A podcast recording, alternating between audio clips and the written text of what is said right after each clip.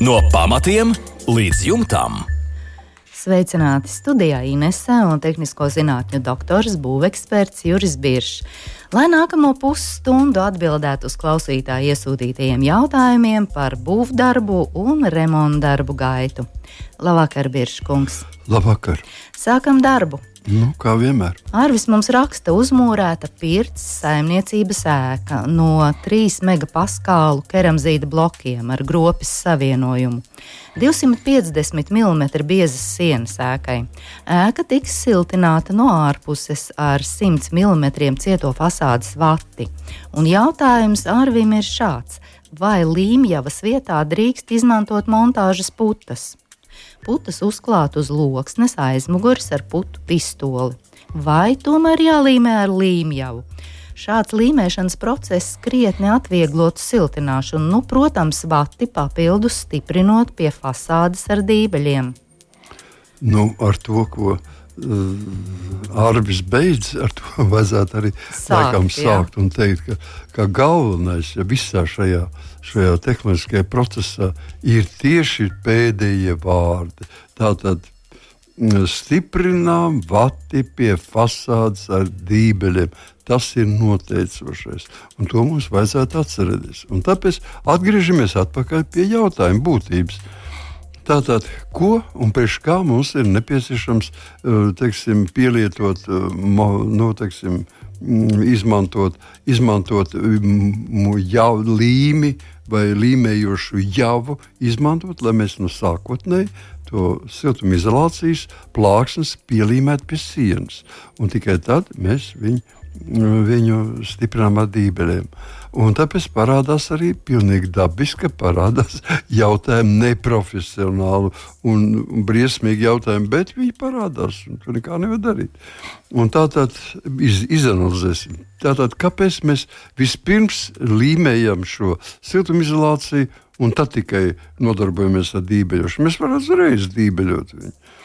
Mēs līmējam tāpēc, lai mēs precīzi varētu iegūt nu, teiksim, pirmkārt visminimālāko attālumu no siltumizolācijai un sienai, lai tur tā sprauga būtu minimums.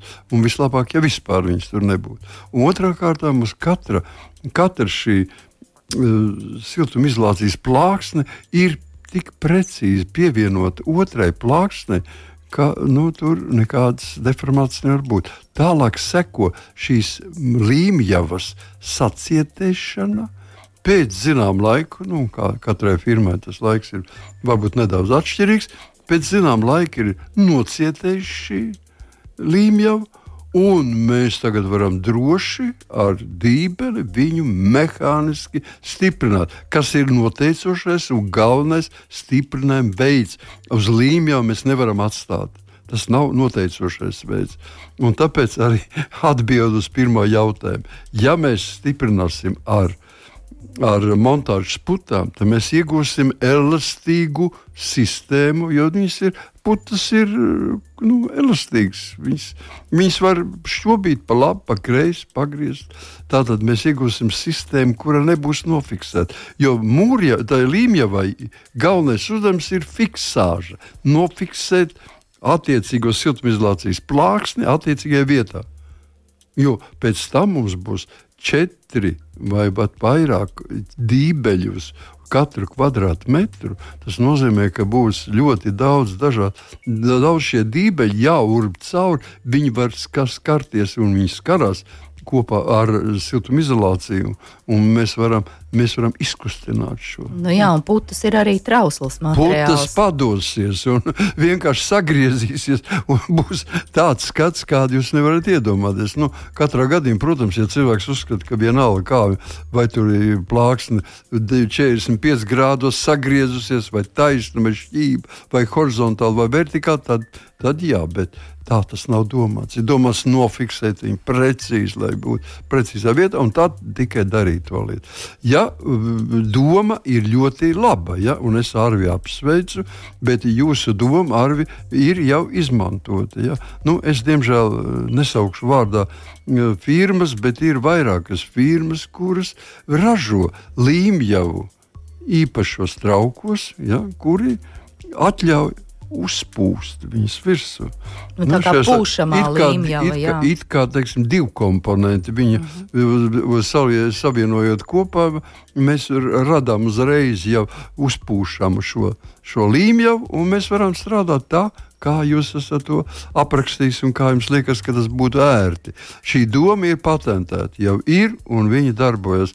Ja jūs labi pameklēsiet, tad Rīgā atradīsiet firmas, firmas Nu, vismaz divas, es domāju, kad, kuras nodarbojas ar, ar šādu veidu līmjavas izplatīšanu. Tā tad līmjava putas. Līmjava putas, jā, nu, kas, -hmm. ir, kas var, ar kur var uh, uznest virsū, tiešām ērtā veidā, jā. tik cik jums vajag, precīzi dozēt un, Un viss, viss tas, ko Arvis jau rakstīja. Jā, bet tas ir speciāls materiāls. Tas ir speciāls materiāls. Jā, paldies par atbildi Arvim. Uvis mums raksta, plānoja veikt mājas fasādes atjaunošanas darbus, veidot ventilējumu fasādi. Ņemot vērā mājas sienu dažādo risinājumu un nespēju aizturēt valdošos vējus, pirms ventilējamās fasādes montāžas plānoja likt papildus pretvēja barjeru neveicot papildus siltināšanu no ārpuses. Un jautājums UIM ir šāds: vai starp pretvēju barjeru un esošo fasādi būtu jāveido 20-25 mm sprauga, lai esošā ķieģeļa fasāde un daļa koka fasādes nesvīstu un nerastos arī pelējums?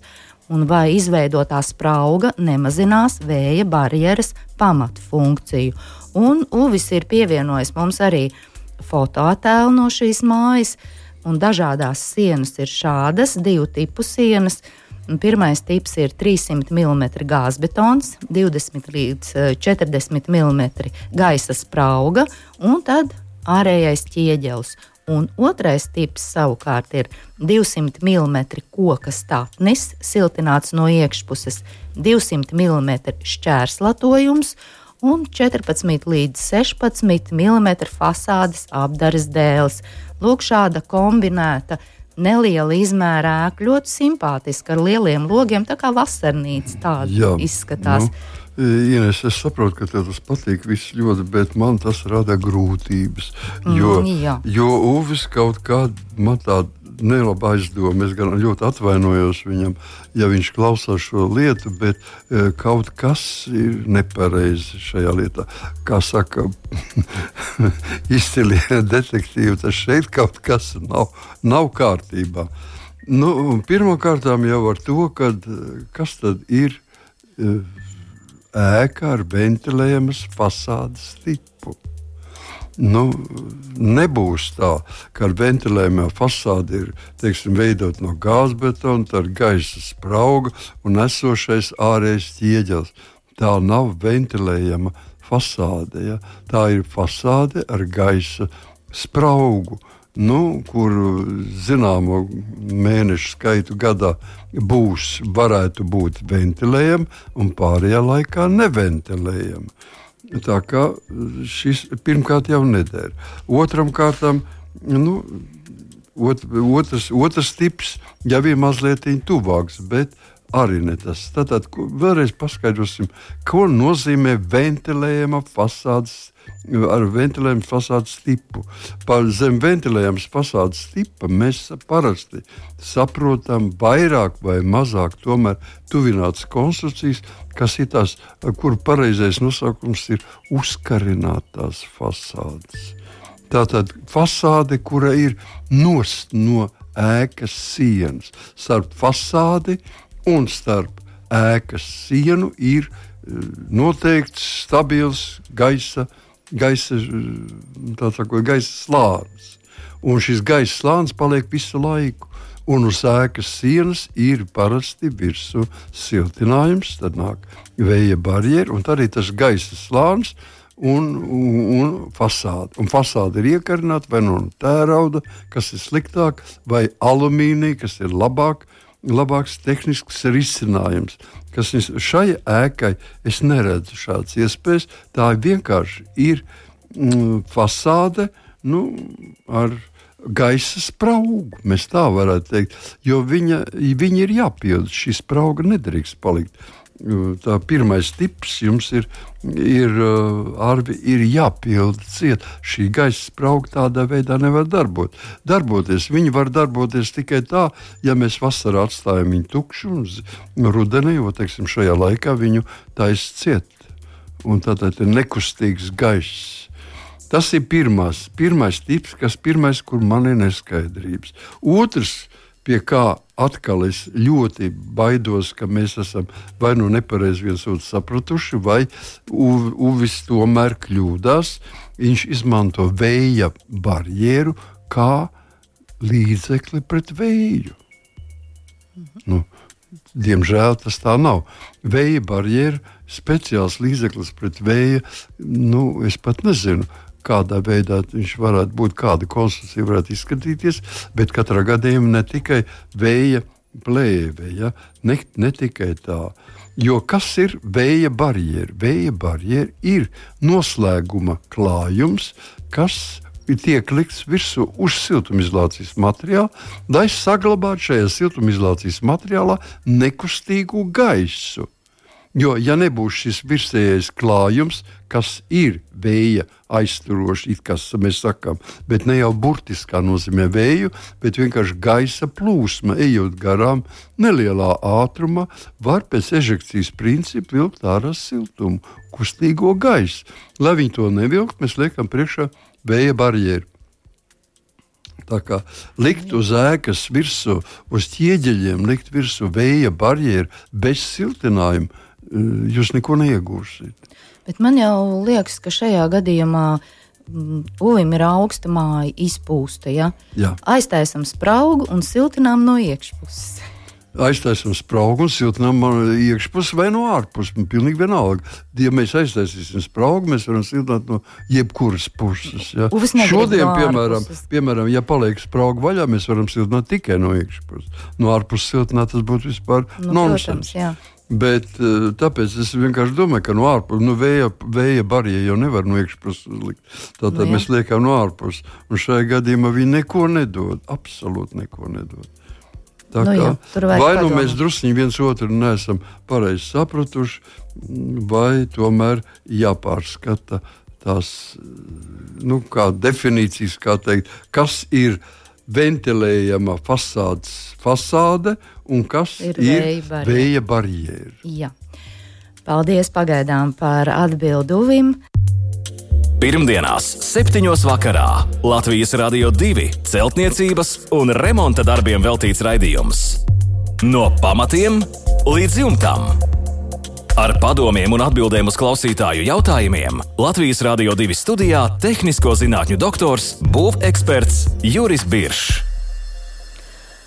Agrim meistari 45 km2 dzīvokļa grīdām uzklāja pašizlīdzinošo masu gan uz betona, gan uz OSB, apakšā koka lāgas un pildījums starp tām. Masa ir saplaisājusi pa visu grīdu, bet galvenokārt tur, kur ir koks. Ko meistariem teikt? jautā Agris. Kas ir izdarīts nepareizi un ko tagad darīt? Jā, nu, slikti godīgi sakot, ir izveidots brāķis. Izveidots. Kas tad ir mums pašizlīdzinošā masa? Pašizlīdzinošā masa tas ir betonam līdzīgs sastāvs. Ko mēs neuzklājam ekonomiski, nebiezās kārtās, uz vajadzīgām teiksim, grīdas pamatnēm. Ja? Un, redziet, pirmais noteikums, ko, kas bija rakstīts arī uz visiem šiem pasīzlīdzinošo masas uh, iepakojumiem, bija, bija rakstīts, ir, kuru vajadzēja kārtīgi meistaram tomēr izlasīt, kad šāda grīda ir klājama tikai uz viendabīgas grīdas mēs nevaram klāt viņu uz daļēji uz betona, daļēji uz OSB. Ja mums ir šāda dzīve, nu, prakse, un teiksim, mums tas ir jāklāj, tad mēs viņu pārvēršam par vienu. Kādā veidā? Nu, visvienkāršākais - uzklājam plēvi. Un plēvē mums tagad mums būs šī, šis izlīdzinājums slānis tikai uz plēves. Būs. Jeb mēs uzklājam uz uh, membrānu, tātad telpiskā geomembrāna. Mēs atdalāmies, jā. jā, mēs atdalāmies, un tā, tā virsma jau uz kuras mēs klājam virsū, viņi ir viendabīgi. Jā. Un tur būs viss kārtībā, tā kā mēs saglabājam, tas ir pirmā kārta. Otram kārtam. Mums ir jāskatās par to, lai pamats būtu ne tikai viendabīgs, bet arī būtu viendabīgi deformējams. Tas nozīmē, ka nedrīkst, nedrīkst uh, koka, koka OSB grīda var sarukt, var griezties, var, var, viņi ir nestabilāki, teiksim, telpiskais. Mm, dimensija ziņā, viņa deformācija ziņā ir nestabilāka kā betons. Tātad viņi ir jānostiprina, lai viņi tādi arī būtu. Nu, Acīm redzot, arī tāpēc arī koks, kas ir dzīvāks un kas griežas un uz, uzklājot virsū izlīdzinošo masu, ir tāds priekšā, kas izlīdzina. Izlīdzinošo masu ir pilnīgi šķidrs materiāls, ja, kas tiek sagatavots. Sagatavots, lai mēs pareizi uzklātu izlīdzinošo sastāvu. Mēs darām, ko mēs paņemam, viņu izgatavojam trīs, četras spaiņas ar šādu sastāvu, liekam visus uz grīdas, gaidām. Ga ņemam pirmo, paņemam pasmiņam krūzīti un izlējam uz grīdas. Tās. Iekāpjam ar kāju, paceļam kāju uz augšu, skaitām 1, 2, 3, 4, 5. Pēc skaitļa 5 mums jābūt pilnīgam štīlam, pilnīgi izlīdzinātam. Ja viņš vēl, vēl kāds ciet, liekam klāt ūdeni un maisam pa jaunu vēl. Un tādā veidā mēs panākam, panākam to, ka mums ir brīnišķīgs izlīdzinājums. Un tas, tas nozīmē, ka viņš ir šķidrs un satur ļoti lielu daudzumu ūdens. Ja? Un tāpēc eh, koks uzsūks lielāko daļu ūdeni, betons uzsūks vismaz nu, nezinu, reizes eh, trīs, četras mazāk to ūdeni. Un, un, un šeit ir nav salīdzināma apstākļi. Ja. Tas nozīmē, ka šis darbs ir jāpārtaisa. Tā arī mēs tam jāsaka. Brāķis, Tā arī jāsaka. Jā. Brāķis ir iznācis. Jā. Paldies par atbildā Grim. Robertam arī ir vajadzīgs padoms. Veca guļbūve no divām daļām, viena daļa pievienot otrai. Apakšējais vainags ir laika zobu bojāts, vienkārši sapūst. Kā pareizāk atjaunot pamatus, jautā Roberts pacelt visu māju uzreiz vai pa daļām, ar ko būtu labāk aizvietot apakšējo vainagu. Biju dzirdējis, ka labāk ar ķieģeļiem, nevis gāzbetonu. Tādā gadījumā vai nav nepieciešama kāda mūrēšanas eksperta vai meistara palīdzība? Jā, nu, jautājumi ir interesanti. Robertam ir lielas, saku, liela gribēšana to lietu darīt. Viņš ir gatavs celt māju gaisa, kā vai pusmāju, vai veselu māju. Protams, ka tas būtu ideāls gadījums. Ideāls gadījums būtu, ja jūs varat šo pusmāju vai veselu māju pacelt un ātri izveidot koka vainagu, vainagu baļķi apakšā vai vainagu brusu. Tas būtu ideāls gadījums, bet nu, to mēs izdarīt nevaram. Tas nav praktiski. Mēs noteikti saplēsīsim šo māju. Tāpēc pareizi, ja viens no visērtākajiem paņēmieniem ir ņemt, sadalīt mājas pamatni par tātad atsevišķās daļās un, teiksim, pa diviem, trim metriem izzāģēt ārā esošos, tātad sabojātos vai pūšos, nu, vaināk, vaināk, baļķus, vaināk baļķus un aizvietot viņus tātad klāt uz pamatnes, uz pamatiem klāt virsū, atjaunot horizontālo hidroizolāciju obligāti, un tad klāt virsū nevis koku, bet, teiksim, keratermu vai ķieģeļus. Bet nekādā vai, teiksim, fibob tipa blokus, kera, keramzīta betona blokus varam klāt, bet nekādā gadījumā ne gāzbetonu, jo tas ir, tā ir viena no viszemākām daļām, kur beidzās cokols, tātad iespējas gan šļakatām, gan ūdenim sa, sa, saistīties ar mitrumu. Gālbetons ir mitrumu uzskāri uzsūcošs. Tātad tā, tālāk no grēka, tālāk nos. Nekādā gadījumā ne gāzbetona. Un tiešām liekam ķieģeļus. Tu šeit nevajag nekādus ekspertus. Šeit vienkārši to var izdarīt. Nu, es nezinu divi vienkārši cilvēki, kas vien, asistē viens otram, un arī pēc darba drošības no, noteikumiem jābūt diviem. Ir, ja. nu, tad viņi mierīgi saliek tos ķieģelīšus uz jau atjaunotas horizontālās hidroizolācijas.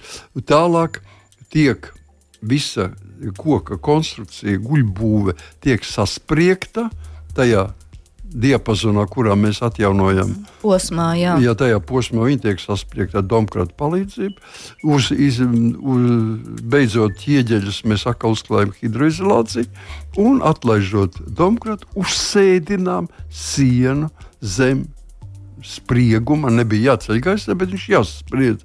Uzsēdinām viņa zem, zem sprieguma virsū. Siena pieguļās cieši jaunajai konstrukcijai un iet darīt. Viss kārtībā. Nu jā, tā, tā, tā riņķi pa perimetru. Gabaliņu pa gabaliņam. Jā.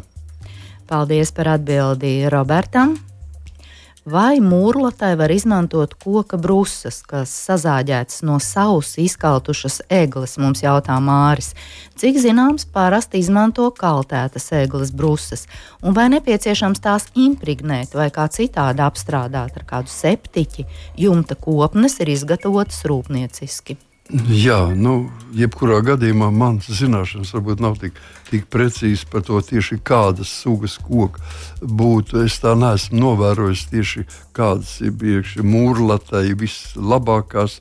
Vairāk gan ir redzēts, ka tās ir vai nu no ļoti stipriem kokiem, vai no priedes, bet ļoti iespējams arī no eglis. Jebkurā gadījumā nevajadzētu izgatavot tikai no lapegles, bet citām Latvijas eglēm to es domāju, ka ir iespējams. Mitrumam jābūt tādam, kādam ir ir apkārtējais vidas mitrums, pārkaltēta, teiksim, eglis, koks, pārkaltēts neder mums. Mums jā, jo m, pirmkārt mūrlāt atrodas m, atmosfēras apstākļos, tātad virs sienas. Atrodas, un reti, kad viņi sliktākā gadījumā viņi ir ieklāta ar teiksim, siltumizolācijas materiālu vai kaut kur ne, ne vairāk. Un otrs, kas mums ir jāņem vērā tas, ka tā, nu, Jā, kā bija nepieciešams impregnēt. Jā, jā impregnēt. Nu, redziet, kā lai saka, tur tā uzmanīgi. Ja šī egle ir ļoti sveķaina, nu, tad e, var iztikt arī bez, jo sveķi vislabākais impregnētais, dabisks. Bet, un, un, un eglis koks ir ļoti sveķains. Bet, nu, drošības pēc es domāju, ieteikt tomēr vajadzētu. Nokrāsot ar antiseptiķu, nevis piesūcināt zem spiedienu, bet nokrāsot, ja nu varētu. Par ļaunu tas nebūs. Jā, paldies par atbildi Mārim. No pamatiem līdz jumtam. Un vēl Ivara jautājums kāds ir nepieciešamais ārējās kanalizācijas cauruļu ieklāšanas kritums centimetros uz 10 metriem, kāds varētu būt minimālais ārējās kanalizācijas cauruļu ieklāšanas dziļums, ja caurules ir izolētas ar 50 mm poliesterola izolācijas materiālu. Jā, nu šeit ir tādi praktiski jautājumi. Es gan sevi neuzskatu par speciālistu par komunikācijām, un santehniķis nesmu, bet eh, nu, tādi praktiski lietas. Es mazliet jums nepateikšu kaut ko galīgi nepareizi. Varbūt tas nav tas optimālākais risinājums, bet jebkurā gadījumā kritums varētu būt viens centimetrs uz metru. Tas nozīmē, ja mums ir desmit metri, tad minimums, es runāju par minimumu, ja, minimums varētu būt 10, 11 centimetri, ne vairāk. Jā, bet tas ir minimums. Bet, tas ir minimums. Cik jā. būtu tā nu, labi un droši? labi un droši ir grūti pateikt. Jo, redziet, ja mēs iztaisīsim drusku par lielu, Arī tad, slikti. tad ir slikti ar ūdens aiztek un vispārējais paliek. Un tad ir blīvē, tad ir traki. Slikti, jā. Atkal slikti. Tad jābūt tā, lai ūdens tecētu. Jebkurā gadījumā, bet arī viss pārējais peldētu līdzi.